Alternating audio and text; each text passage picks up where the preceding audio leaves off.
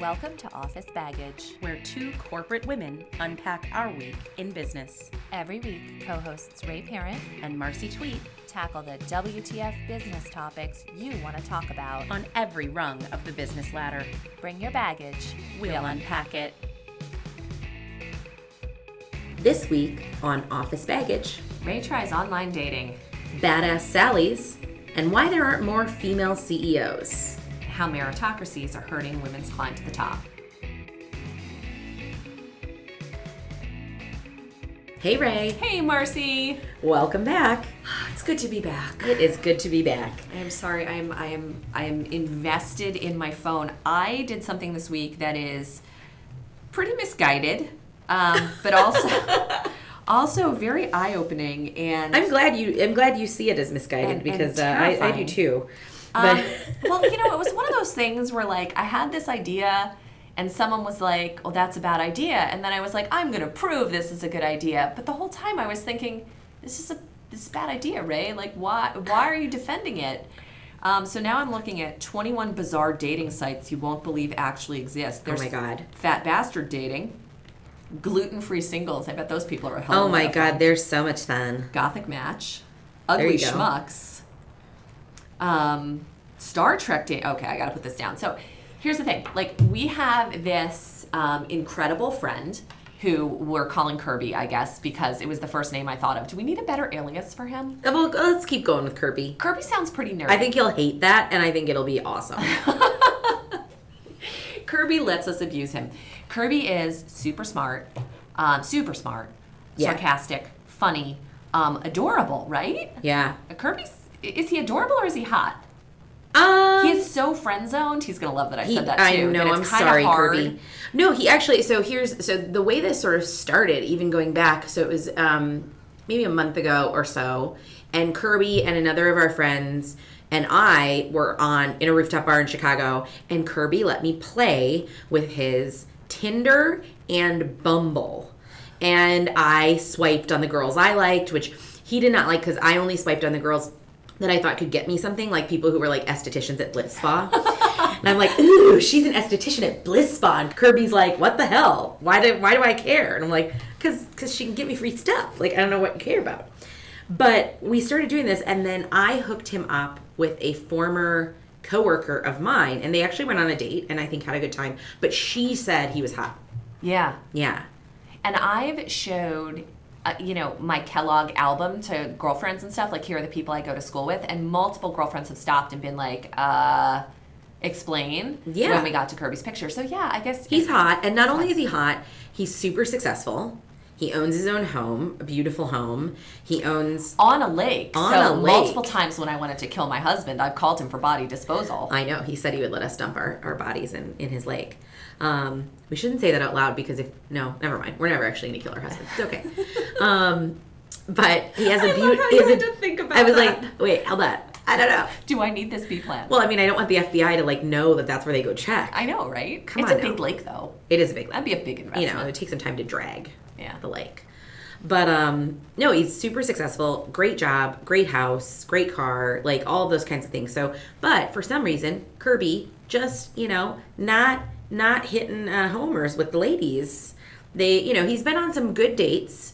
Um, I sent one of the girls I hooked for him on Bumble. He went on a date with, and he sent me a gif of a dumpster fire because apparently it didn't go so well. But you know, I, I was receiving snarky texts throughout said date. yeah, Um, yeah, when the dumpster fire gif arrives, first of all, dumpster fires always laugh out loud funny. exactly, Um, but yeah, that was not a good date. yeah. So I decided to take matters into my own hands, and tequila was involved, as it often is when I make really bad decisions.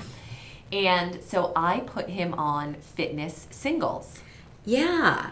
And I was, re- because he's, you know, He's very fit. he's very fit. He's very I was trying to think of the non pervy way to say No, that. and he wants a he also wants a woman who is very fit and likes fitness because he's a runner and and you know really enjoys those kinds of outdoor kind of things. Like he would live in Colorado and hike every day if he could. So, Right. yeah. So someone who likes to get outdoors and do things, and look, he and I have talked about it. He's not super snobby about it, but he wants someone who wants to get yeah. out and get dirty and have fun and, and what have you.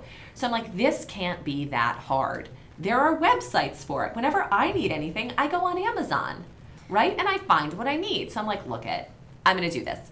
So I put him on fitness singles and I was really, really clear about what I was looking for. and you're laughing at me because you know exactly what's gonna happen. I was like, female, this age range, these kinds of interests. Yeah. Um, you know, employed like gainfully because you want to have some Right. you know passion around contributing to society or what have you oh my goodness first of all kirby is a hit with the over 46 crowd Yeah. hashtag cougars for kirby is totally a thing Yeah. and and and um people okay i'm trying to think of the right way to say this um Say it in the worst way. Come on, just no because like look at i'm not winning any beauty pageants either but like and i can't take a selfie to ch- save my life but some of the some of the pictures the profile pictures i'm like oh is, is that the best Like if you think that's the picture you're gonna put on your like dating profile, I want to know what you actually look like. But you know what's worse? Having the like quadruple Snapchatted picture where when you show up on the date, you're like, holy fucking Jesus. Yeah, no. Or having the one where you look like you're, you know, Listen, I online dated a lot before I met my husband. A lot. Um, and I think you have an obligation as as somebody who's doing a lot of online dating to make your pictures actually look like what you look like. You know, I think it's fine. Like throw in one photo of you, you know, when you like had your makeup done and your hair done for a wedding kind of thing, right? Like throw in that photo, that's fine. But I think you also have to throw in the like, you know, not necessarily no makeup, but like when I was online dating, I would always put in um, like one really great photo, a photo of me with, you know, friends or whatever, and then like maybe a photo like before I had taken a run or like, you know, after a 5K or something like that. Like throw in something that's like fun and active or whatever, but people need to see, you know, that you don't just look like X and you don't just look like Y because we all look different every single day. So I think you have an obligation to be honest. Agree. I have a really good friend who went on a date, um, female, went on a date, met the guy at a, a restaurant. They had been talking for like three weeks on Match or wherever they had met, and showed up at the restaurant, and the guy was in a wheelchair. Now, here's the thing she wouldn't have cared. She would have gone out with him in a second if and would have continued talking to him if he had been upfront and honest that this was you know his, this was who he was. But because she had no idea she probably reacted badly and was shocked and surprised. And then he sort of called her judgmental and they had a whole thing and they ended up not going on the date. And it's like just be honest. Be honest. like if you don't want someone to react badly to some trait about you then tell them up front. You know it's like and i it's still to this day if i talk to my friend she would be like i feel so bad like it was the worst i've ever felt in my life and she's like i would have gone out with him had i known he was in a wheelchair i just reacted negatively because we'd been talking for three weeks and he never told me Yeah, there are some things that Be you might not bring up. Like, um, I don't know, I have a cat or I, I, I don't know, but yeah i mean like be on just be honest just be honest. so you put you put kirby on this this site and you got Kirby- some dumpster fires I got yeah. Yeah. So as of this morning, I officially took him down. oh I did Yeah. because um, So was when- scary. were you responding to people like as him, or did you tell them it was you? oh no, I, I was very clear dating board of directors. Yeah, okay, because that's what I did when I was bumbling for him too. Like I would be like, "Hi, this isn't Kirby. This is his really good friend Marcy, and he has given me full reign of his Bumble. Would you like to go out with him?" Like it was the whole thing. Yeah. So Well, what I I caught him one really good one. Did you really? Yeah, he liked her. I don't think that they're like along, but they went to brunch, and I think they had talked after that. Um, but I don't think they were like the right fit long term. But he had a really good date with her. Is Kirby shutting down possibilities?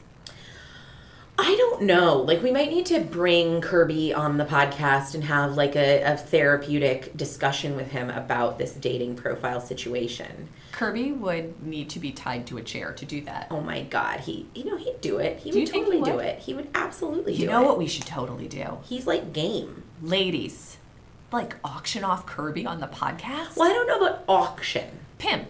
Pimp. No, I mean that it still implies money. I think we should say, ladies of the podcast, this is very strange. This is an office baggage podcast, but you know, we gotta we gotta hook up our our guys too.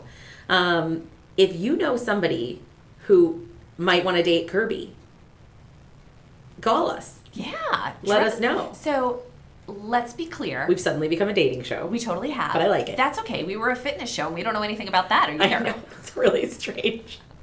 Um, so let's be clear. Age range. Because Kirby is 32. Yeah, so Kirby and I disagree on the age range. Oh, we do too. Yeah, so I don't think that he should date a woman younger than 28. Agree. And he thinks maybe more like 25 You know. but he's wrong about that Yeah, I agree. um, i think it needs to be a woman who's at least 28 i would say top end 36 Really? See, Kirby is kind of an old soul, but I'd go 33 ish. Oh, 32, 33 ish. maybe yeah so somewhere in that late 20s early 30s range Yeah. i think kirby needs someone who is um, who has her own job and successful in her own right doesn't necessarily have to be like you know somebody who's corporate like you know successful making money blah blah blah but somebody who is really passionate about their job because he's really passionate about his work Yep. likes the outdoors um, likes to travel Likes to hike. yeah Likes dogs. Likes dogs that's Yeah, important like- must love dogs Kirby does not have a dog, but uh, he wants to have a dog. Yeah. His job is just a little too demanding. In fact, one of my tactics for him to pick up women was to get a puppy, but he shot that down, um, which Yeah. I guess was the responsible thing to do.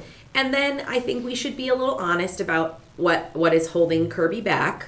And his his number one flaw is he lives in a rural. He's gonna he's gonna kill me because he's gonna be like, where I live is not rural. He lives in a city that is not a huge city. Um, near Chicago. He's a couple of hours from Chicago, and he's here. I can attest. He slept on my couch. He is here almost every weekend, and he's very close to Chicago. Um, but he, you know, he's, he lives. He doesn't live in Chicago, and I think that holds him back a little because there's not a huge group of women in this city that he lives in. Yeah, he really restricted himself geographically. Yeah, he does. So it has to be somebody for at least a little bit who might be comfortable with that or with a long distance. I think, you know, for the right. But not like long distance, airplane long distance, No, no, but like no. long distance, like you're gonna see each other on weekends kind Yeah. of thing, and you might have to drive an hour, like whoop de ding. Yeah. So let us know. Let us know. If you, Seriously. uh, oh my god, he's gonna kill us. he's gonna kill us. Do you think he actively listens every week? he does? Does he? He does. Does he just say that because he's afraid of us? No, he comments about about the stuff, so I think he listens. Oh, wow. Maybe maybe we see. Maybe we don't tell him we talked about this, and we see how long it takes him to notice. Oh, that's brilliant. There's a good one. Okay, so other listeners who know Kirby, you know what'll be really interesting? don't tell him. Yeah. See if don't he tell listens. them. But what'll be interesting is if people know, people know who we're talking, who know Kirby, Right. know who we're Yeah, yeah, talking yeah. about, right? They won't think it's like Jordan or something. No, no, no, no. Although we could pimp out Jordan too. Jordan would like that. Yes. So Okay. anyway, well, okay. if it goes well with Kirby, we pimp Jordan we and we pimp. Ahmad. So email us if you know. Or Ahmad is not ready to be pimped.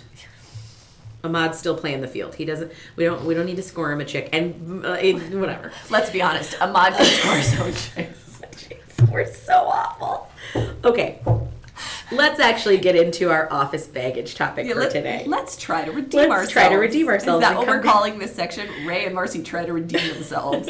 From So by the way, totally not. I just have to say for anybody who is out there who is single, who is online dating or doing any kind of dating, you have my utmost respect and admiration because Love you. I couldn't do it for a week as a proxy. You know what we should do? We should have my friend Camille on the show. I will call her. She runs a um, business that is about offline dating, and she actually teaches people how to like. I don't. I, I, she's gonna when she listens to this, she's gonna be like, Marcy, that's not what I do. Like she teaches people how to flirt in public and how to pick up people, like not pick up, but you know. But Camille's one of these people. She gets asked out all the time, and she's crafted this business around it, and she's doing really well. But about how you can sort of authentically date offline because online can be a dumpster fire. Dumpster fire. So maybe we need to have her coach Cody. Mm. Maybe we we'll need see. to have her coach Kirby. Yes, That would be a fun interplay to do on the podcast. it would be really right? fun Have to bring Camille in and have a live coaching session on dating. Ooh. I think the challenge with Kirby is like he's so sarcastic that people might not realize if he's being mean or flirting.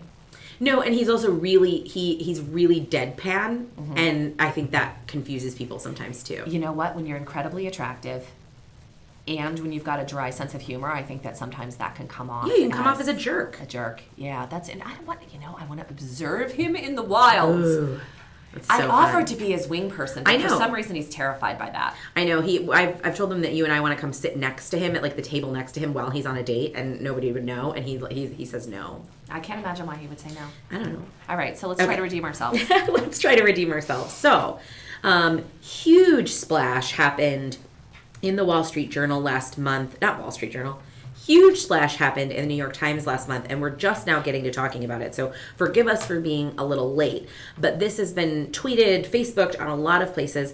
New York Times released an article titled "Why Women CE Why Women Aren't CEOs," according to women who almost were.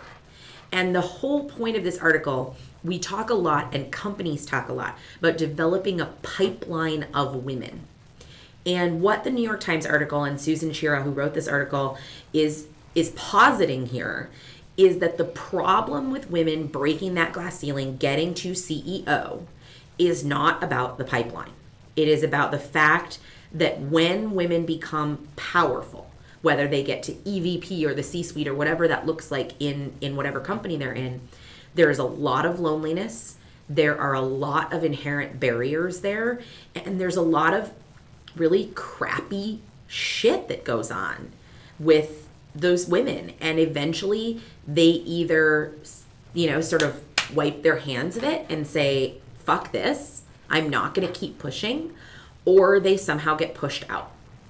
And i thought this was really interesting and a different take on this glass ceiling conversation than we've seen in recent years And one of the things that I found very interesting about it is they they don't try to pinpoint exactly what it is because for how many years and our entire podcast is about how do you pin down what the impact of gender is? You really can't. It's it's a mosaic. It's a bunch of little things. Yes, every once in a while there's the big thing. Mm-hmm. There's that huge tile in the mosaic that everybody can see, but it's so systemic and it's so pervasive. It is a ton of teeny tiny little things Yep. that do create this barrier. And you know, candidly, I've I've had a really enjoyable career so far. Um, but I've been at the same level for nine years. Mm-hmm. And my jobs are getting more and more interesting.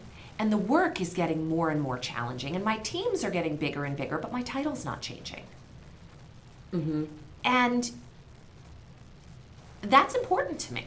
until i mean your title just changed My functional titles change. yeah Yeah. But the, the actual grading oh gotcha of the job is is uh, candidly not consistent with my male peers interesting in some cases. yeah And I, I am reaching a point where I'm like, uh, there are days where I feel done with it. There are days where I think that instead of my goal being the next big step within corporate America, doing something meaningfully different, where I can hopefully create a culture mm-hmm. without this mosaic of gender bias.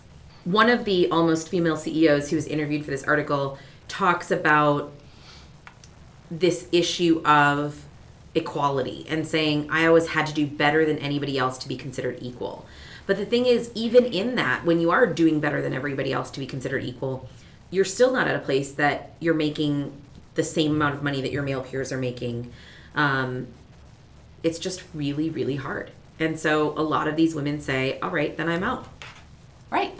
So You how do- long does that take? The death by a thousand paper cuts. How long does that take? And and do companies have the dialogue around the pipeline thing being lip service? Has anybody looked at? Let's take compensation.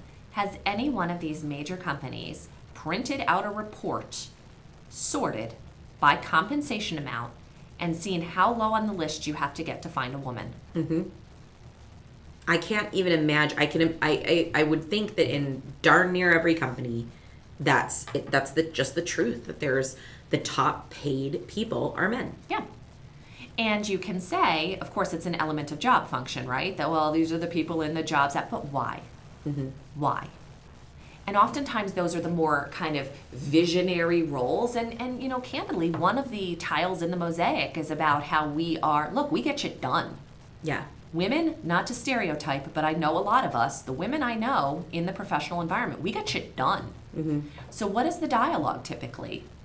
She's an executor. She gets shit done. You want something done you hand it to her oh but we're looking for someone more visionary more strategic in this other role like Right. come on We're looking for a rainmaker. That's often one of the things too that men men are more tied to the financial success of the company than women are. Where the women are seen, sort of seen as as the the you know back end developer and and and builder. Where and that's really hard. Um, piggybacking on this, one of our favorite badass Sallys hashtag badass Sallys, Sallie Krawcheck wrote an article for Medium um, titled "What Women Can Do When Meritocracies Push Them Out." And I think this is one of the big flaws in the narrative about women is just work hard, just work hard. And you know, a meritocracy, if you're doing the best work, you'll get the promotion. And that is not always true. It is not true. It's almost never true. And Sally says, you work hard, but deserving women and men don't always get a fair shot. And what she talks about, and I thought this was so tied to the New York Times article, is that so many women, and I'm like, no, I can't find it. Is this the fact that when they did a survey of industries, the ones that claimed to be meritocracies were the least diverse? Well, that's certainly true. But I think part of it is yeah, so I think that's that's definitely true. It's when people say we're meritocracies, that's when it's the worst. I was um, I don't know if I've talked about this on the podcast before, but the it was one of my favorite um, things that I uh, the Society of Women Engineers did a study. I'll try to find it and link it. And I might get the numbers a little wrong, but they're pretty close. And men said they surveyed men, and the question was, um, "Do you think that there are are gender equality issues in the workplace?" And something like sixty some odd percent of men said no. And then it was a ridiculous number. I think it was 87% or 86% of men said, "Oh, and it's definitely not happening in my company." Shut up. Yeah. So this and in the same companies for the same women, the women's numbers were insane, right? Yes, there's inequality in the workplace and yes, it happens in my company. Mm-hmm. So there's blinders on. And I think the blinders are even stronger in companies who pride themselves on being meritocracies. Mm-hmm. You make the most money or you you have the most sales, we promote you. You have the most XYZ, we promote you. You get but in those companies, they're ignoring all these other factors. And this was the quote I finally found that I think ties into that too. Is it feels like this is Sallie Krawcheck. It feels like we're reaching some type of critical mass among women and many men of I just don't want to take this any longer and I don't want to work for companies that don't share my values. I was talking to Ted the mansplainer last night, who Oh, has Ted. uh, Can we say hi to Ted's mom? Because Ted's mom emailed us and Ted's mom says hi and she listens to the podcast. So hi Ted's mom. hi Ted's mom. We love you. You raised love an incredible son, and we're sorry that we call him Ted the mansplainer because he's no longer he's a reformed mansplainer and an incredible advocate for women. Yeah, I'm annoyed that you said all that because I wanted to say it too. But I'll tell the Ted the mansplainer story. but when Ted when Ted told me, and we need to just call him Ted and not Ted the mansplainer Yeah. consistently. But anyway, when Ted told me his mom listened, I got really upset. I'm like, Ted, we say fuck. He's like, she's heard it. I'm like, but we're gonna Ted's mom rocks. we're gonna see her at graduation and she's gonna know we're potty mouths. He's like the rest of the world knows you're potty mouths. My mom's fine. But anyway, She loves us. She told us. So, you know. yay. Why did she email you and not me? Oh, I think I, I feel bad that you didn't get it. I should have forwarded it to you. Sorry, Ted's mom. I was hoarding your relationship and I did not send it. She sent us, it came through the comments on the website. She sent us a, a, a message from the website, so it came to my email. That is so sweet. I'll, I'll send it to you because she's adorable. So, um, not surprised, not even a little. so, um, Ted and I were talking last night, and this always happens when Ted the mansplainer and I have conversations. It's supposed to be a five minute conversation, and then we're like, oh shit, it's two hours later. but he's kind of turned a corner in his career, and he has so much excitement and so much enthusiasm. And he was talking about the team he's building, and he was talking about his succession planning. Because, look, whether you're staying or going, and I, you know, I, believe he's very much um, entrenched where he is and really passionate about his work, you're always thinking about succession planning. And he was talking about the two incredibly powerful female successors he has. And he was saying things about sponsoring them and grooming them. But the thing that really differentiated this conversation for me is he was talking about all he was learning from them. Oh, I I just wanted it. to pat him on his little hair. That, was, So that sounded good. pervy. I just wanted to pat him on his little head. So fun. I just I love seeing that, and I I'm a huge huge fan of of any men who are looking at the women on their team and asking the questions: How do I get you promoted? How do I get you to your next level? And to not feel threatened by those women, and to not feel like they could eclipse you and that might make you look bad. Because the truth, I believe this to the core of my being, the truth is when your team looks good, you look good. Whether they are whatever level they are at, right? And you bring those people up in the company as much as you possibly can to the end of the earth. That's what makes good leaders. That's what makes makes good bosses. And that's what gets noticed. In the last three major corporations uh, uh, where I've worked, shining the light on your team really is what gets you that next role. Exactly. It When- changes the game. When someone hears you say we more than you say I, it changes the game, Mm-hmm. especially as a man. I think women sometimes tend to say we too much. We over we we We we over we. we we when it's an I. Right. So we need to learn to balance that. But there are male leaders who need to learn to balance it the other way and to help their teams get get up over the, the challenges that they have.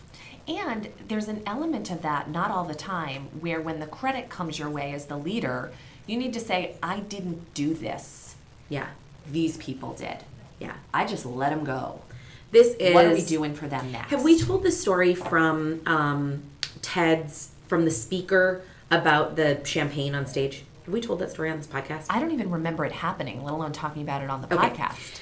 So, great story that we heard from a speaker who came here to Kellogg, who actually was introduced to Kellogg from Ted. He used to work with her at his company, and now she is CIO or CTO. I can't remember one of those. CIO. CIO at um, a sort of mid-sized tech company, and she came in, and one of the first things she observed about her team was that they felt like they weren't getting any credit, like they weren't being thanked. A lot of times, which you know as as a CIO, the tech team has really thankless jobs, right? And people don't always remember that on everything happening on sales, everything that's happening on mergers and acquisitions is supported by technical prowess in any and she said she came to their CEO and she said, "Here's what I'm feeling. I think my people are a little, you know, sort of downtrodden. I think they're, um, you know, feeling like they're not appreciated, etc." And at the following week or month's company's all hands meeting that they do every every month or whatever that was, the CEO came on stage at their all hands meeting, invited the entire iTeam team team up onto the stage, and opened champagne and said, "Let's all toast." The IT team for the incredible support that they gave us in this huge project that just ended. I remember that now. That was really and she wonderful. said that to me was a great leader and i think that's an exhibit of two great leaders one a great leader in her for recognizing that her team was feeling the way they were feeling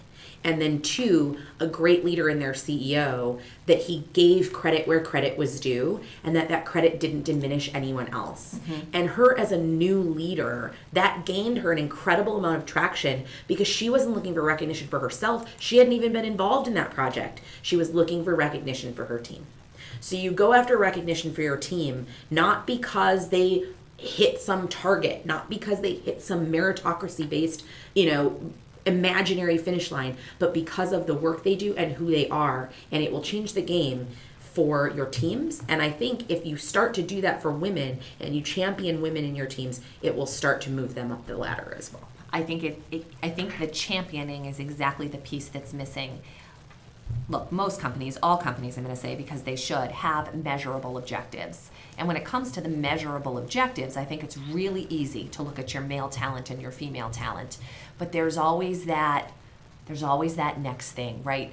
I'm not sure that she has the gravitas. Mm-hmm. I'm not sure that she's strategic enough, visionary, rainmaker, things that are subjective and very, very hard to parse through a lens of mm-hmm. style. And typically, the table having that conversation is populated by men. Yeah. So, unless there's a quota, nine times out of ten, the style that resonates wins the day. Exactly. All other things equal. No, you have to go in with that ability to advocate for the people in your team who you know not only deserve to be advocated for, but who might not normally be advocated for. And I think that's really important. There's the old saying in corporate, and sometimes it drives me insane. The you know what gets measured gets managed, mm. and you you know I work in a part of of a corporation in CSR and and sustainability that is a very difficult thing to measure. It is very difficult to measure reputation. It is very difficult to measure ROI on what I do. And there's two schools of thought in what I do. One school, and I've heard people say this, is you shouldn't try to measure it. It's so important you shouldn't try to measure it. I, I'm not in that school of thought. I think we should do our absolute best to measure it. But if you're going to put me in a meritocracy, right, and you're going to put me up, up against a dude in my company whose whole job is to sell things, I'm not saying this happens either. I'm just making a for instance. You put me up against a dude whose whole job is to sell things, and he can go say, Here's how much I sold. I broke every level. I did everything I was supposed to do. And then in the same process, you look at a similar, you know, same sort of job titled person like me who works in a part of the company that's inherently more difficult to measure meritocracies are going to kill the person on that side and promote the person on the other side. And that's not right. Because the truth is, you need to keep promoting people, whether they are in a part of the company that is difficult to manage, like CR or communications or IT, or they're in a part of the company that's really easy to manage, like development and sales and mergers and acquisitions, Right. right? Those are two separate things. Let's stop putting them in a meritocracy based system that is the same across the board. And you got to value the things that are less easy to measure. Um, I've worked in multiple companies where, when it comes time for an annual review, people are told that we should be evaluating 50% of the results they achieve and 50% on the way you achieve them. And company to company, that changes. The percentages change, and how they articulate the way you achieve them changes. Whether that's called core values, at my current company, it's called winning ways, where I actually think we do a pretty good job. Mm-hmm. And the debate is always, oh, that person's kind of, yeah, kind of abrasive. And this happens with men too. Yeah. It's not just with women. That person's kind of abrasive. Nobody really likes working with them. But gosh, have you seen their sales numbers? Or ooh, did you see what they did from an expense efficiency mm-hmm. perspective? And unfortunately, we're still continuing to not put the same weight on the on the how, on the behaviors, on the things that are harder to quantify. Those are the things that you need more of mm-hmm. as you move up the ladder. In those most senior positions, you don't need your best technologist. You don't need your best HR generalist. You need your best leaders. Exactly. Exactly. I work a lot with um, young uh, engineering students that are female. We have a partnership with Society of Women Engineers, work with them a ton. And we've actually seen, not only in my own company, but in a lot of other companies, they've seen women rising faster in the field of engineering. Certainly, a lot less women in engineering than men. That's still very true. But you watch these women, they rise faster than their male counterparts do in some instances and in a lot of companies. And part of it is because they've been trained, thank goodness, as women beyond the technical skills. Because the person who gets promoted out of that, like, entry level engineer into a bigger engineering job and potentially a general management job and going forward are the people who can communicate about what they're doing and are not just technologists. And women tend to be better at that in the immediate sort of beginning of their careers. Right. Men, it might have to be trained a little more. And so it's those kinds of things where let's recognize and appreciate the whole spectrum of skill from gravitas to technology to on the ground skills to people skills and let's put all of that in the mix and not just did you make your numbers did you make the merit that you're supposed to make in this supposed meritocracy that's supposed to be gender and colorblind which it never is It never is. It's a, it's a, it's having a diverse perspective and a diverse a value placed on diversity of skill set. Yeah, absolutely. So, lots more to say on this topic So and many, many more. Um, gosh, it's just, you know, it's good to be back. We're going into fall now. Come back to us and tell us what are the topics you really want us to either A, talk about that we haven't talked about, B, what are some of the things we've talked about that you'd love to see us revisit? I know we want to come back to the um, conversation with Ahmad and TJ about people of color and white privilege. Um, we are definitely going to convene another panel of men very soon. So let us know what you want to hear about in the next weeks and months. Oh, we talked about our anxiety episode. Oh, yes, we've got a lot of stuff coming. Can we call that flipping the fuck out, please? Flipping the fuck out would be a great title for that episode. Marcy does all of the intellectual work on the podcast. I come up with the funny titles. You do. That's, Bot- it's important. Bottomless bucket of fucks was my creation. That rocked. It's my contribution. That rocked. So stay with us. My Thanks mom. always for joining us, and we'll see you next week.